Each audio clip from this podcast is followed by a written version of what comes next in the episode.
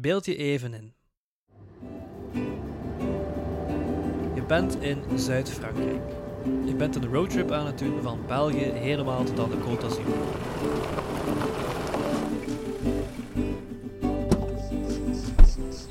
Je laat je tijdens deze reis leiden door het lot en bent vandaag volledig per toeval beland bij een compleet verlaten, rustig kabbelend beekje. Voor je je spullen uit de auto pakt en je tentje opzet, besluit je om eerst even met je blote voeten te genieten van het heerlijke, koele water. Complete rust. Of dat denk je toch. Wat je niet ziet, is dat je op dit eigenste moment doorboord wordt met spervuur van stralen. Elektromagnetische straling. Uh, wat is dat? Ja, dat je het zegt, ben inderdaad plots overal te jeuken. Straling, zei je. Wat voor straling dan? Wel, wat dacht je van gammastraling? radiostraling, microgolfstraling, ultraviolette straling, infraroodstraling, kosmische achtergrondstraling. Welkom bij Koffie Curieus.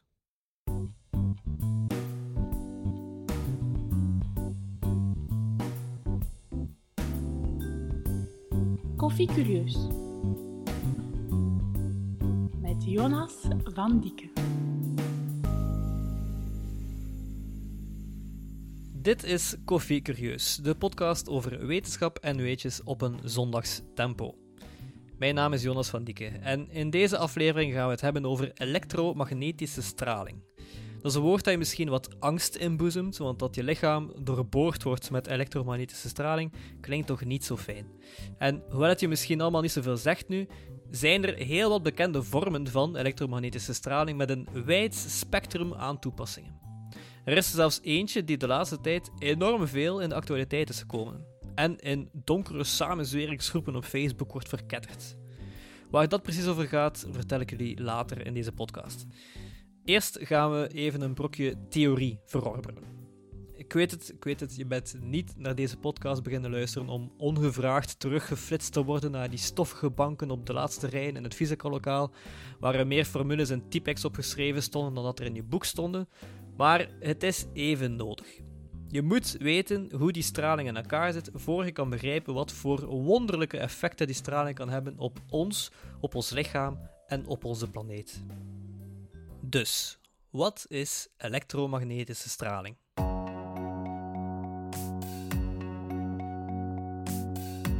Wikipedia zegt: elektromagnetische straling is de voortplanting van elektrische en magnetische trillingen door de ruimte. Wat wil dat zeggen?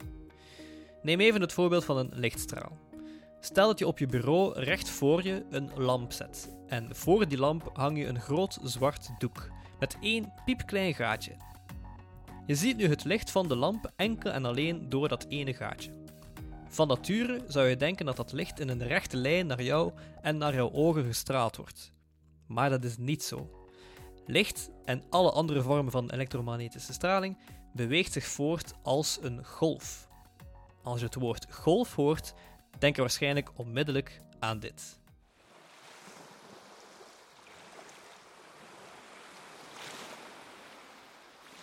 Je dacht dus waarschijnlijk aan golven van de zee, of tenminste aan de vorm van golven op zee, maar dat klopt niet helemaal. Stel je even het volgende superrealistische experiment voor. We nemen een veer Bijvoorbeeld zo'n kleurrijke slinky die je van de trap kan laten vallen. Stel nu dat we die slinky aan het plafond zouden vastmaken en dat we onze kamer vacuüm zouden trekken. Er is nu geen lucht meer in de kamer, dus er is ook geen luchtweerstand. We heffen de slinky nu tot tegen het plafond waar hij aan vasthangt en laten hem dan los. Die slinky gaat nu eindeloos op en neer blijven bewegen. Er zijn telkens twee punten waar de slinky voor een fractie van een seconde helemaal stil hangt. Namelijk helemaal beneden, als de slinky op zijn verst is uitgerekt, en helemaal boven, als de slinky helemaal opeengepakt zit. Oké, en stel nu dat we ons experiment aanpassen op drie plaatsen. Ten eerste, we hangen de slinky aan een skateboard. En dat skateboard hangt vast aan het plafond door middel van rails, zodat het over het plafond kan rollen. Ten tweede, we hangen een lichtje aan het uiteinde van de slinky. En ten derde, we maken de kamer volledig donker. Oké? We plaatsen dat skateboard helemaal links in de kamer, aan het plafond, en we houden de slinky tegen het skateboard. En op hetzelfde moment duwen we het skateboard naar rechts en laten we de slinky los.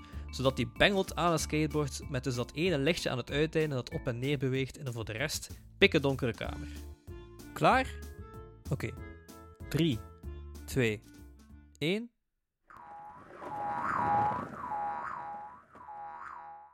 Zie je het voor je? Wel, als je nu van op een afstand kijkt naar de beweging die het lichtje maakt, dan krijg je een golfbeweging. En het is die golfbeweging die lichtstralen maken, maar ook alle andere types van elektromagnetische straling. Dat lichtje aan de slinky kan je dus zien als een enorm uitvergrote versie van één lichtstraatje, die doorheen de ruimte beweegt vanaf de lamp op je bureau tot in je oog. Nu, houd dat beeld van die golfbeweging nog even in je achterhoofd. Er zijn een aantal definities die we nog moeten onthouden. Daarna is de les voorbij en mag je je dino-koeken gaan opeten op de speelplaats. Ça va? Oké, dus ons lichtje aan de slinky maakt een golfbeweging van links naar rechts. Als het plafond lang genoeg is, dan zal dat lichtje van boven beginnen, op het moment dat je het loslaat helemaal naar beneden zakken en dan terug naar boven komen. De afstand tussen die twee bovenste punten, wanneer het lichtje dus één volledige golfbeweging heeft gemaakt, dat noemen we de golflengte. Stel dat die kamer 3 meter breed is en het lichtje komt exact terug boven op het einde van je kamer, dan is de golflengte dus gelijk aan 3 meter.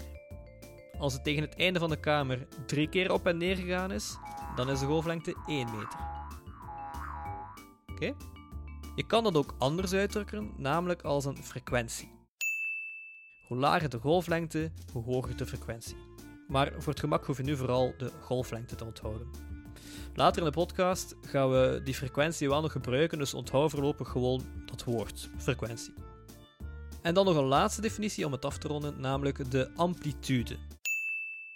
Dat is kort gezegd de afstand tussen het bovenste en het onderste stuk van de golfbeweging.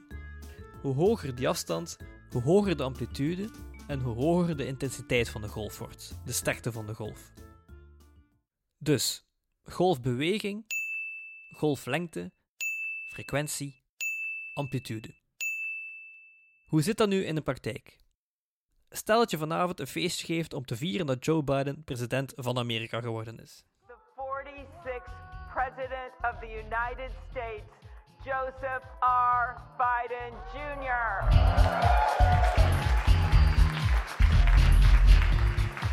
Je hebt een discolicht gekocht dat flikkert tussen blauw en rood. Als het licht op blauw staat, dan stuurt die lamp elektromagnetische stralen uit met een golflengte van 0,4 micrometer. Een micrometer dat is 1 duizendste van een millimeter, dus dat is echt wel heel klein. Als het lampje nu naar rood gaat, dan stuurt het stralen uit met een golflengte van 0,7 micrometer.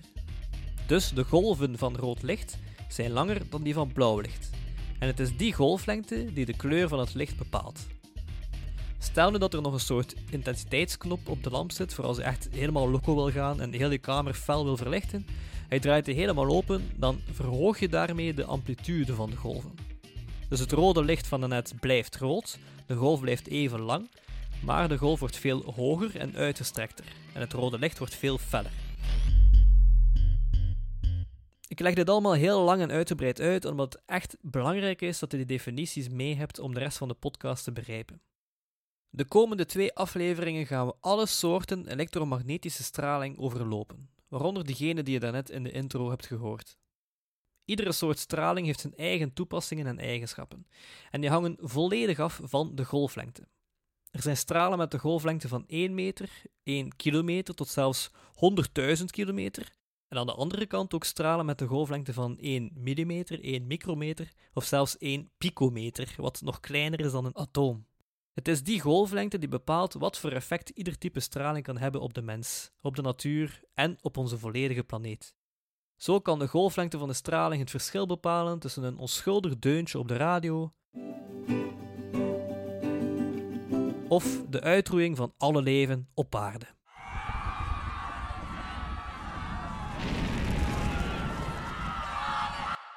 Maar hey, we hebben de laatste tijd al genoeg miserie gekend, hè, dus we gaan nog even wachten om te praten over hoe onzichtbare straling het einde van de wereld zou kunnen betekenen. eh. Laten we eerst maar beginnen aan de onschuldige kant van het elektromagnetisch spectrum. Ik heb hier voor de gelegenheid een draaiknop laten installeren waarmee we de golflengte van onze elektromagnetische stralen kunnen nabootsen. Hoe hoger de toon die je hoort, hoe kleiner de golflengte. Dat ligt ergens onder mijn bureau. Ik zal even kijken.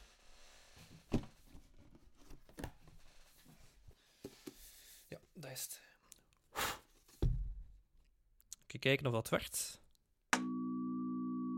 Ah, ja, oké. Dat lijkt te werken. Oké. We gaan dan een keer een draai aangeven. 0,5 micrometer. Oei, ja, dat zijn de golflengte van het zichtbaar licht. Ehm, ja, het is nu nog iets te vroeg om daarmee te beginnen. We gaan de golf eerst eens wat langer maken.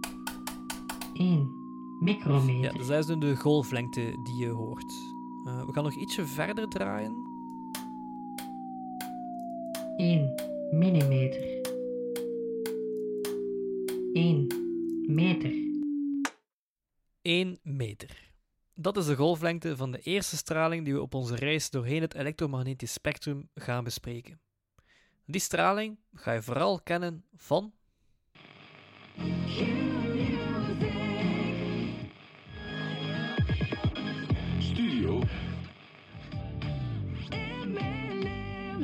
radio. Tegenwoordig ben je in België quasi verplicht om een DAB Plus radio te kopen. Maar in de goede oude tijd kon je nog gewoon voor een simpele FM-radio kiezen. Je kon je radio eender waar in de kamer zetten, de antenne uitklappen, spelen met de frequentie en luisteren naar de sweet sweet tunes van Studio Brussel op 102.1. Studio Brussel. Thomas staat. Thomas, staat op. Maar hoe werkt dat eigenlijk precies?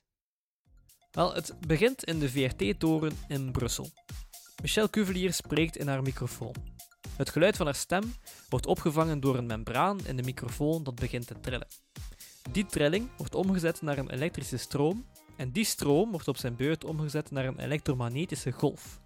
Die golf wordt van op de VRT-toren verspreid langs alle kanten in Vlaanderen, ook richting die radio in jouw kamer. De radiogolven botsen tegen de antenne van je radio en door die botsing worden de elektronen die in de antenne zitten lichtjes heen en weer geduwd, waardoor een kleine elektrische spanning ontstaat. Die spanning wordt door de luidspreker in de radio omgezet naar geluid.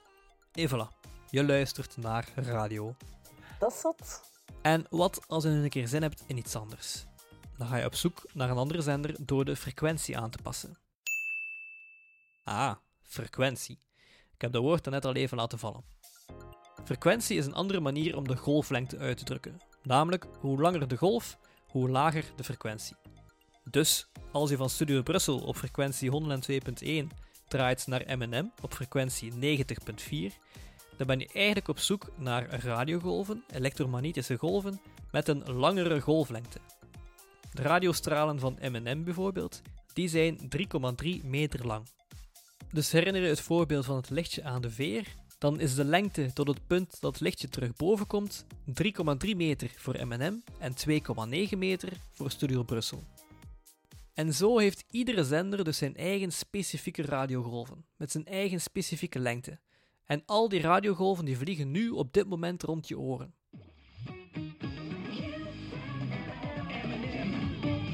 Het is jij die kiest op je radio welke specifieke golf je wil ontvangen. Studio Brussel. Nu, eigenlijk is de werking van radio nog iets ingewikkelder dan dat. Stel dat Studio Brussel een gewone simpele radiogolf met een golflengte van 3,3 meter in de ether zou sturen, dan zou dat niet zoveel voorstellen. Je zou gewoon constant hetzelfde monotone geluid horen. Want er verandert niets, die golf blijft hetzelfde. Om het geluid van Michel Cuvelier in die golf te stoppen, gebruikt men een techniek die we frequentiemodulatie noemen, ofwel afgekort FM. Ah, vandaar dus FM-radio. Bij frequentiemodulatie kan men ervoor zorgen dat een radiogolf wordt ingekort of uitgerokken op specifieke plaatsen, een beetje zoals een accordeon, waardoor je heel wat extra informatie in die golf kan stoppen. Je radio weet dat en kan door de golflengte en door de manier hoe die golf uitgerokken is, weten welk geluid het moet afspelen. Vroeger was er nog een andere techniek naast FM die we amplitudemodulatie noemden, oftewel AM, AM, waarbij de amplitude van de golf werd uitgerokken of ingekort als een accordeon.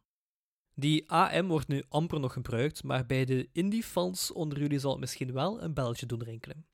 Want AM is de naam van de topplaat die Arctic Monkeys in 2013 uitbracht.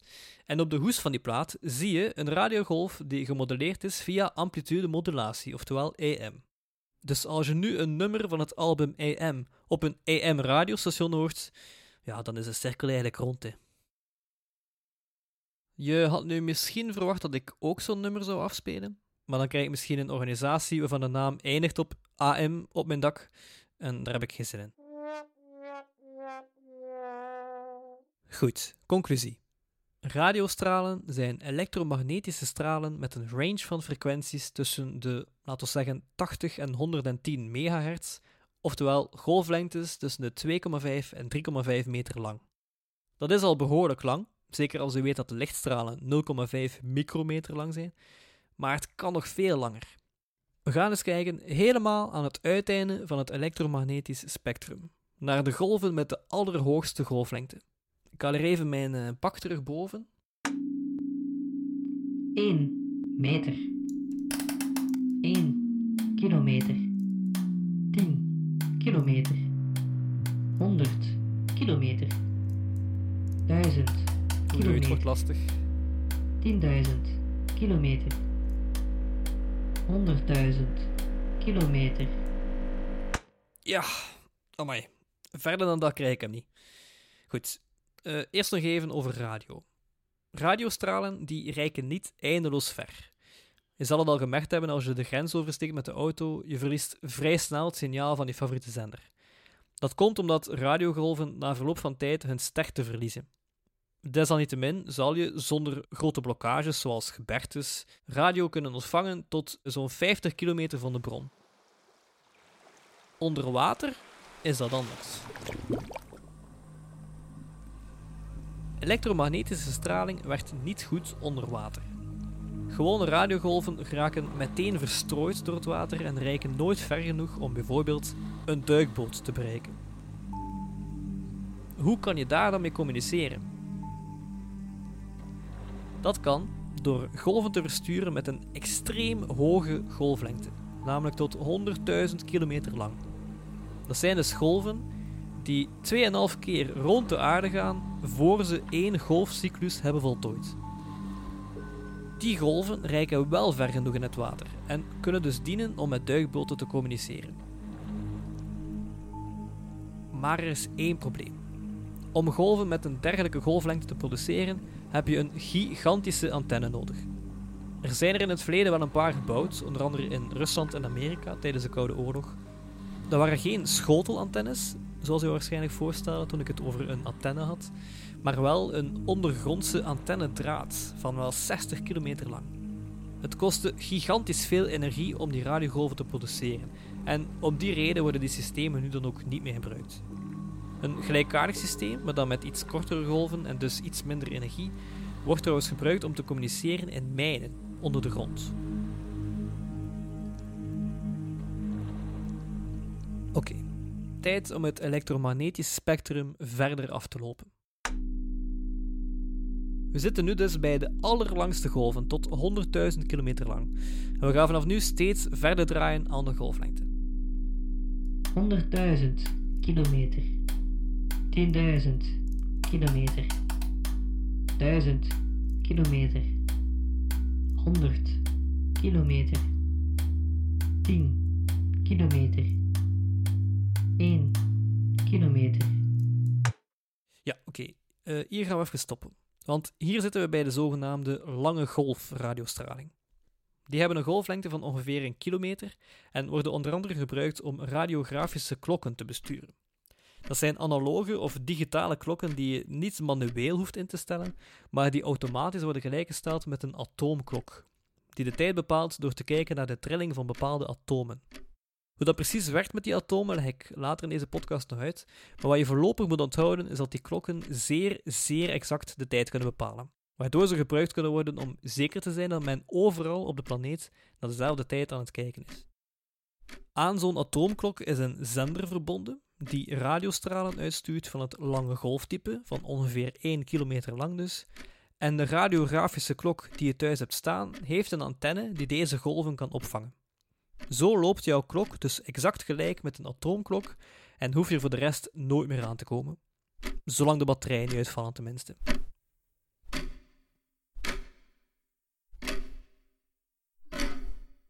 Nog een extra wistje datje trouwens over die atoomklokken.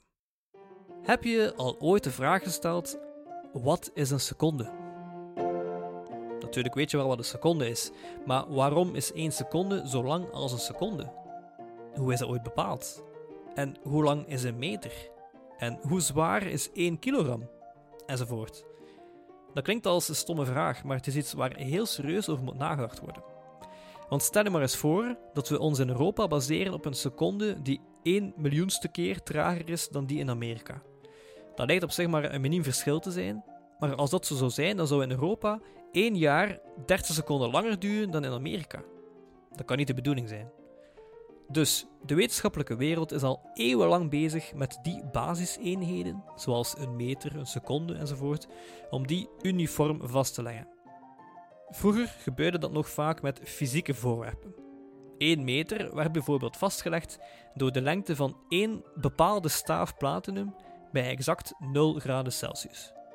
Die staaf werd bewaard in Parijs en er werden verschillende kopieën van gemaakt en over de hele wereld uitgestuurd, maar die moesten dus wel allemaal gekalibreerd worden aan de hand van die ene platinumstaaf. Omdat het nogal omslachtig is om telkens naar Parijs te reizen om je staaf naast een andere staaf te leggen en de lengtes te vergelijken, zijn wetenschappers op zoek gegaan naar meer abstracte theoretische manieren om die eenheden te beschrijven. Nu is een meter bijvoorbeeld gedefinieerd als de afstand die een lichtstraal aflegt in een vacuümruimte in 1 299.792.458ste van een seconde. Dat klinkt heel ingewikkeld, maar eigenlijk is dat een vrij simpele, uniforme definitie die over heel de wereld makkelijk kan gecontroleerd worden.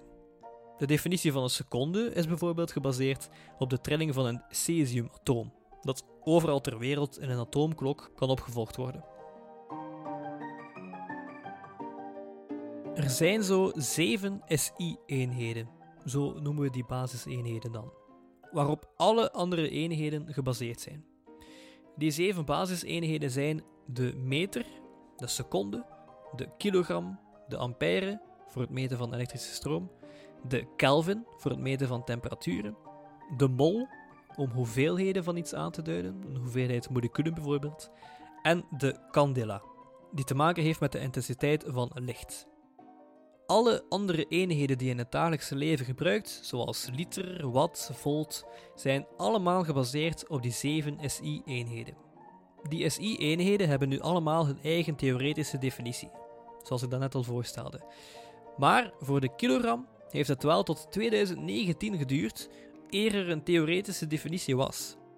Blijkbaar is een kilogram in formules vastleggen een heel zware taak. Dank u, dank u. Maar dat wil dus zeggen dat tot 2019 voor het gewicht van 1 kilogram nog steeds gebruik werd gemaakt van een fysiek voorwerp. Mee bepaald een platinum blokje van ongeveer een golfbal groot, die bewaard werd in de Bureau International des Poids et Mesures in Parijs. Dat blokje wordt de International Prototype of the Kilogram genoemd. En je kan wel nagaan dat dat ding enorm zwaar bewaakt werd, want als dat blokje zou verdwijnen, zou de wetenschappelijke wereld plots niet meer weten wat de kilogram is. Je moeder daarentegen zou dat waarschijnlijk niet erg vinden.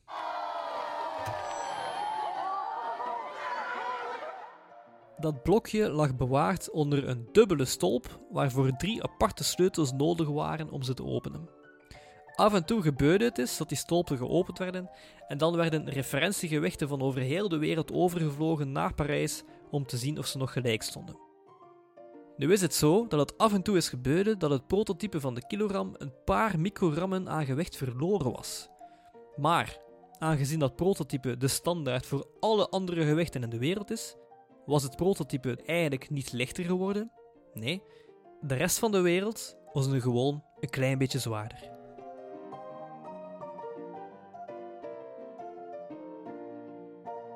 Om maar te zeggen dat zelfs rond een oerstomme vraag als wat is een seconde of wat is een meter een gigantisch boeiende wetenschappelijke wereld hangt, die nog altijd evolueert en zelfs nog zo recent als 2019 een heel grote verandering heeft ondergaan, toen de laatste van de zeven SI-eenheden eindelijk een theoretische definitie kreeg en niet langer afhankelijk was van een simpel voorwerp dat stof lag te verzamelen ergens in een bureau in Parijs.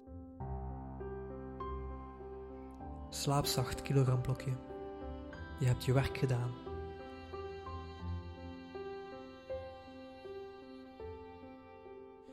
Goed, tot zover dat zijsprongetje dat eigenlijk niets met elektromagnetische golven te maken heeft. Maar we waren naartoe gekomen omdat radiografische klokken gesynchroniseerd worden met atoomklokken door zogenaamde lange golfradiostralen, die een golflengte hebben van ongeveer 1 kilometer. En op basis van zo'n atoomklok is ook de seconde gedefinieerd. We gaan even verder kijken op ons elektromagnetisch spectrum. We zaten dus bij golven van 1 kilometer. 1 kilometer. 100 meter. Hier zijn we dan net al gepasseerd, want hier zitten we bij de radiogolven die voor AM-radio gebruikt worden. Dus we draaien even verder. 10 meter. 1 meter. In deze range zitten de golven die gebruikt worden voor FM-radio, wat ik net al uitlegde, en voor het gebruik van radarsystemen. Radar staat voor Radio Detection and Ranging en is een manier om de locatie van voorwerpen of bepaalde weersverschijnselen te kunnen bepalen. Een antenne stuurt radiogolven uit, het voorwerp dat je wil zoeken kaatst een deel van die radiogolven terug die golven worden opnieuw opgevangen door de antenne en door na te gaan hoe lang het duurde eer die radiogolven terugkwamen, kan je nagaan hoe ver dat voorwerp van je verwijderd is. Dat is, uiteraard, hoe kan het ook anders, ontwikkeld voor militaire toepassingen, om bijvoorbeeld vliegtuigen of raketten te kunnen detecteren. Maar de Frank de Bozers onder ons gebruiken het ook om wolkenformaties en andere weersomstandigheden te kunnen voorspellen op korte termijn. Morgen ben ik er weer met meer. Dag. Oké, we gaan nog even verder draaien. 1 meter. 1 decimeter. 1 centimeter. 1 millimeter. Goed, ik leg mijn draaiknop nu even aan de kant, want we komen aan bij het deel van het elektromagnetisch spectrum waar de golven zitten met een golflengte tussen de 1 meter en 1 millimeter. Deze golven zijn relatief kort en je hebt niet zoveel energie en plaats nodig om die te produceren. Een kleine antenne is in principe al genoeg. Om die reden zijn er dan ook enorm veel toepassingen bedacht in de loop der jaren met deze millimeter, centimeter en decimeter golven. Een korte bloemlezing. Televisieuitzendingen, GPS-signalen, amateur radiostations, wifi, bluetooth, walkie-talkies, babyphones, microgolfovens. Noem maar op, ze maken allemaal gebruik van elektromagnetische golven tussen de 1 mm en 1 meter. En dat zorgt ervoor dat die zone, die bandbreedte noemen we dat dan, dat die heel druk bezet is. Zoals iedere radiozender zijn eigen frequentie gebruikt, gebruikt ook ieder toestel of iedere toepassing zijn eigen frequentie, zijn eigen golflengte. En dat is heel strikt afgeleid. GPS-signalen bijvoorbeeld, die maken vooral gebruik van radiogolven van exact 1575,4 MHz, oftewel 19,04 centimeter. Microgolfovens die maken gebruik van golven van 12,2 centimeter. En dat moet ook zo blijven. Want stel je voor dat er een nieuwe microgolfoven op de markt komt die gebruik maakt van golven van 19,04 centimeter. Dan ga je de volgende keer dat je GPS gebruikt misschien niet uitkomen bij het nieuwe appartement van je lief, maar wel in de keuken van je buurvrouw.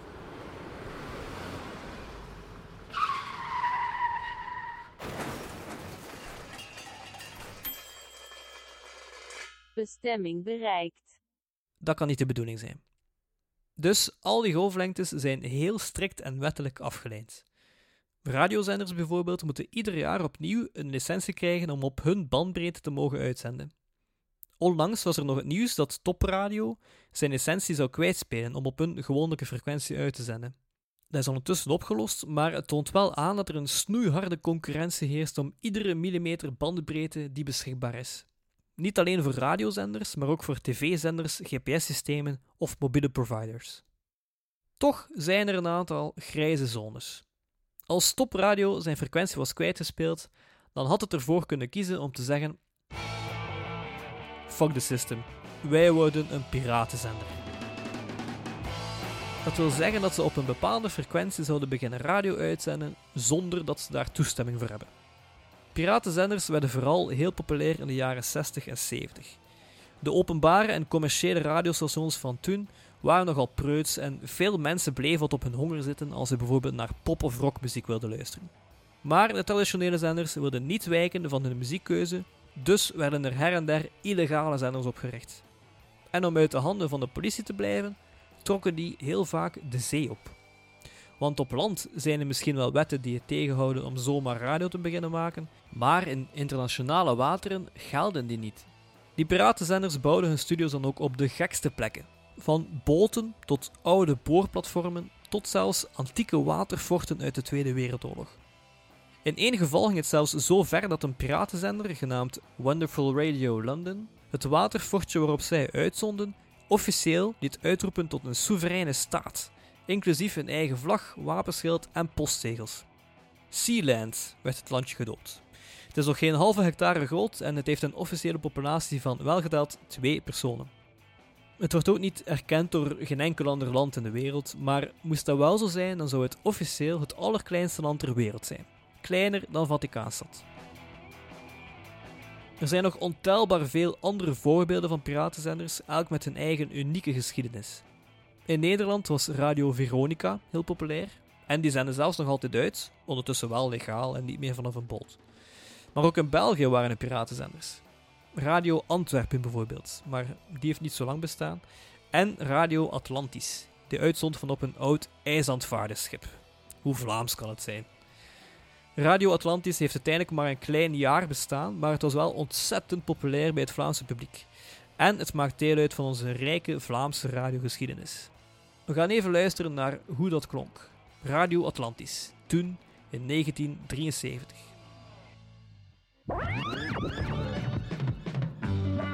Radio Atlantic.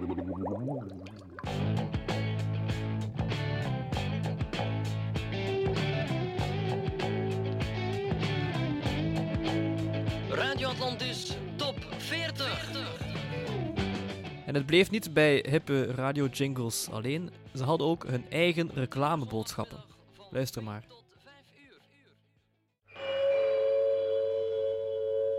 Attention please. In Brugge, Gent, Tielt of Eeklo. Boutiques van Carnaby zijn er legio. Waar men gaat op Vlaamse wegen, komt men Carnaby-bloezen tegen. Fantastisch, hè? In 2009 kwam er trouwens een film uit over een weliswaar fictieve piratenzender, The Boat That Rocked. Als je verhalen over piratenzenders wel leuk vindt, moet je die zeker eens bekijken. Radio Atlantis. Zet hem op. Nu, niet alleen in de radiowereld zijn er grijze zones wat betreft het gebruik van bepaalde bandbreedtes. Ook bij jou thuis krijg je misschien te maken met een geval van elektromagnetische concurrentie voor dezelfde bandbreedte. De thuiswerkers onder ons die moeten nu extra goed opletten. Microgolfovens, of magnetrons voor de Nederlandse vrienden, die werken met elektromagnetische golven van 12,2 centimeter. Hoe gaat dat nu precies in zijn werk? Wel, als je een tas melk in je microgolfoven zet, dan gaat je oven dergelijke 12,2 centimeter stralen naar je tas melk sturen. Die stralen zorgen ervoor dat de watermoleculen in je tas melk fel gaan beginnen heen en weer bewegen. Door die beweging komt warmte vrij en die warmte zorgt ervoor dat je tas melk opwarmt. En die techniek is per toeval uitgevonden. Percy Spencer, Een Amerikaanse ingenieur die in de jaren 40 aan nieuwe radartechnieken voor het leger werkte. Yep, opnieuw het leger. Was aan het prutsen met verschillende lengtes van de radiogolven die gebruikt werden voor die radar. En nadat hij een tijdje met een bepaalde golflengte had zitten werken, merkte hij dat een reep chocolade die in zijn zak zat, gesmolten was. Of Percy later ook nog in staat was om kinderen te krijgen, weet ik niet. In ieder geval, na wat verder onderzoek kwam het uiteindelijk tot de eerste commerciële microgolfoven, die maar liefst 2 meter hoog was en 340 kilogram woog. In de loop der jaren zijn de microgolfovens gelukkig wat kleiner, efficiënter en vooral ook veiliger geworden. Maar de golflengte die gebruikt wordt om je eten op te warmen is wel altijd dezelfde gebleven: 12,2 centimeter. Omdat die microgolftechniek van in het begin zo populair was, besloot men destijds om die bandbreedte waarop microgolven werken niet te reguleren. Daar ging toch niemand om vragen, dacht men. Maar, net om die reden, werd die bandbreedte enorm populair en werd die gebruikt door avonturiers die wat wilden experimenteren met andere toepassingen voor radiogolven. Een van die toepassingen die op diezelfde bandbreedte als microgolfovens werd, is wifi. Wifi-stralen worden uitgezonden op een frequentie van 2,4 GHz, oftewel 12 centimeter. Exact de golflengte die je microgolfoven gebruikt. Dus wat is daar nu het gevolg van? Stel dat je je wifi-router ergens in een hoekje van de keuken hebt geplaatst en je microgolfoven staat daarvoor, dan zal je op het moment dat je je microgolfoven aanzet amper nog wifi-signaal ontvangen. Want die microgolfoven gaat plots enorm sterke elektromagnetische stralen uitsturen die exact dezelfde golflengte hebben als de stralen die je wifi-router uitstuurt, waardoor je wifi-signaal compleet verstoord wordt. Dus gauw een tip, zeker in deze tijden, zorg ervoor dat je je wifi-router niet in de buurt van je microgolf zet.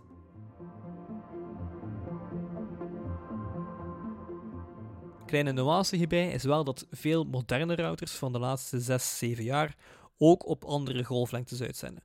Dus bij die modernere toestellen ga je ietsje minder problemen krijgen. Maar toch, ik zou het risico niet pakken. Wie weet op welke site hij uitkomt als iemand de microgolf aansteekt terwijl je aan het internet bent.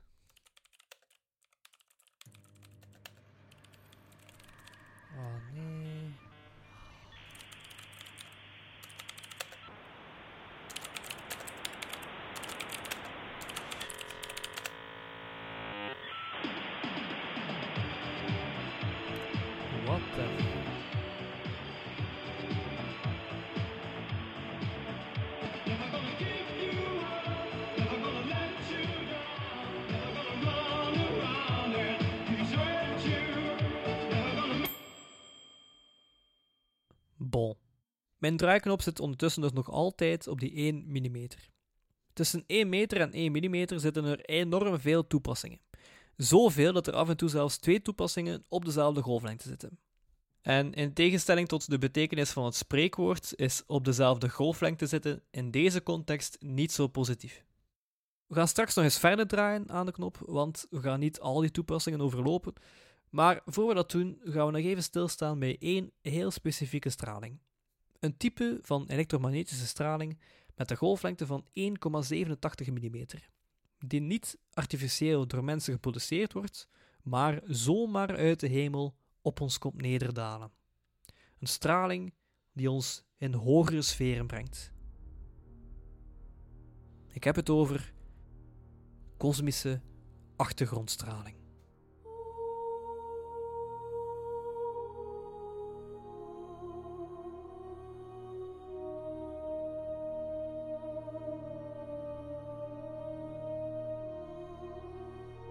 Het is 1965. Arno Allen Penzias en Robert Woodrow Wilson hebben net hun studies in de fysica afgerond en werken bij Bell Laboratories in New Jersey. Ze doen er onderzoek naar de helderheid van de sterrenhemel.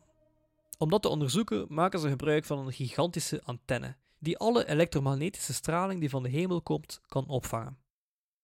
Maar hun onderzoek wil maar niet op gang komen. Ze botsen namelijk telkens op hetzelfde probleem: een surplus aan extra straling die er helemaal niet hoort te zijn. Ze zoeken urenlang naar mogelijke verklaringen, wanneer plots een van hen beseft dat de antenne wel heel vies geworden is de laatste tijd. Er is namelijk een groepje duiven in de antenne komen wonen en die hebben heel de boel daaronder gekakt. Misschien is dat wel de reden van hun vreemde resultaten. Dus Arno en Robert trekken naar een antenne, vangen de duiven, geven ze een paar kilometer verder af aan een duivenliefhebber en beginnen duchtig te schrobben en te poetsen. Nadat de antenne weer helemaal spik en span is gemaakt, hopen ze dat de metingen terug accuraat zullen zijn en dat die extra straling eindelijk verdwenen is. Maar helaas.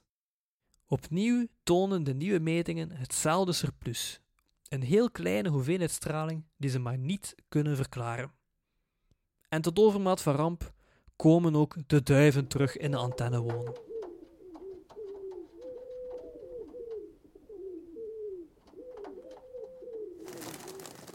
Arno en Robert geven de moed stilaan op. Ze verzinnen nog een waslijst van andere mogelijke verklaringen voor die extra hoeveelheid straling, maar geen enkele blijkt de juiste te zijn. Tot ze een telefoontje krijgen van professor Robert Dickey van Princeton University. Hij was op de hoogte gebracht van de resultaten en wist perfect wat Arno en Robert hadden gevonden. Meer zelfs, hij had het vijf jaar eerder al theoretisch voorspeld. De straling die Arno en Robert hadden opgevangen was geen fout veroorzaakt door duivenkak, maar wel een restant van de oerknal, 13,8 miljard jaar geleden.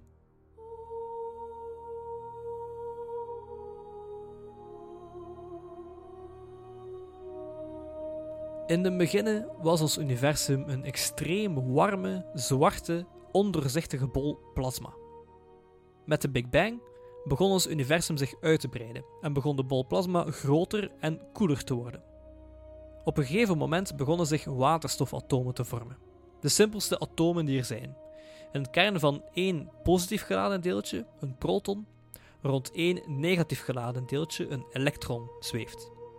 Voor de vorming van die atomen werden lichtstralen gehinderd door vrije, rondzwevende elektronen in het universum. Maar nu die elektronen gebonden werden in atomen, konden de lichtstralen zich vrij doorheen het universum bewegen. Met als gevolg dat het universum op dat moment niet langer een extreem hete pikzwarte bol plasma was, maar een grotere en nog steeds heel hete, verlichte bol plasma. En het is van dat moment, van het kantelpunt van een onzichtbaar dens universum naar een doorzichtig uitbreidend universum, dat we nu nog steeds, 13,8 miljard jaar later, straling kunnen detecteren op onze planeet, in de vorm van kosmische achtergrondstraling. Dat was dus de reden waarom Arno en Robert altijd maar dat surplus aan straling detecteerden. En door die toevallige ontdekking hadden ze, onbewust, een sluitend bewijs gevonden voor wat toen nog een simpele theorie was, namelijk de Big Bang.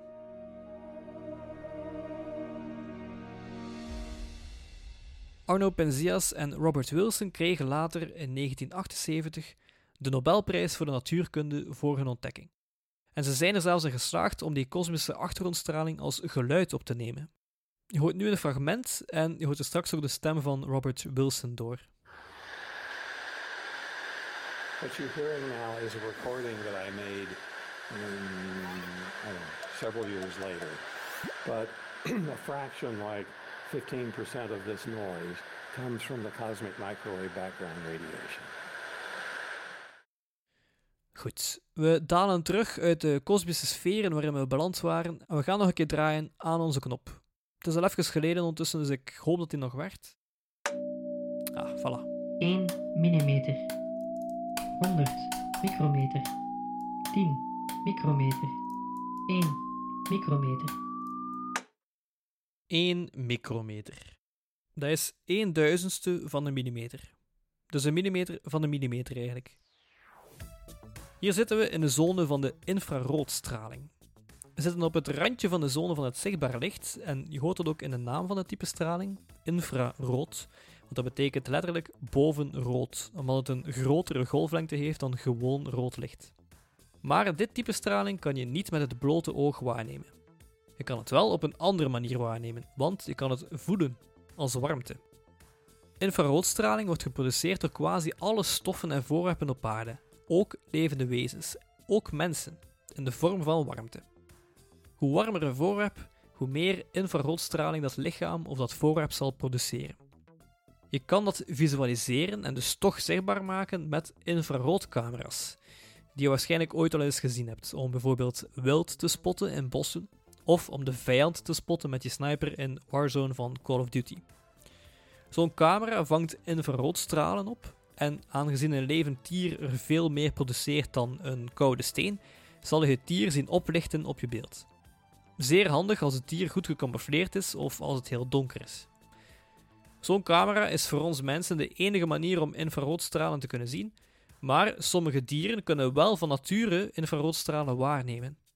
Ratelslangen bijvoorbeeld hebben speciale membranen in de zijkant van hun kop waarmee ze verschillen in infraroodstraling kunnen detecteren. Zo zijn ze in staat om zelfs in het pikken donker hun prooien te vangen.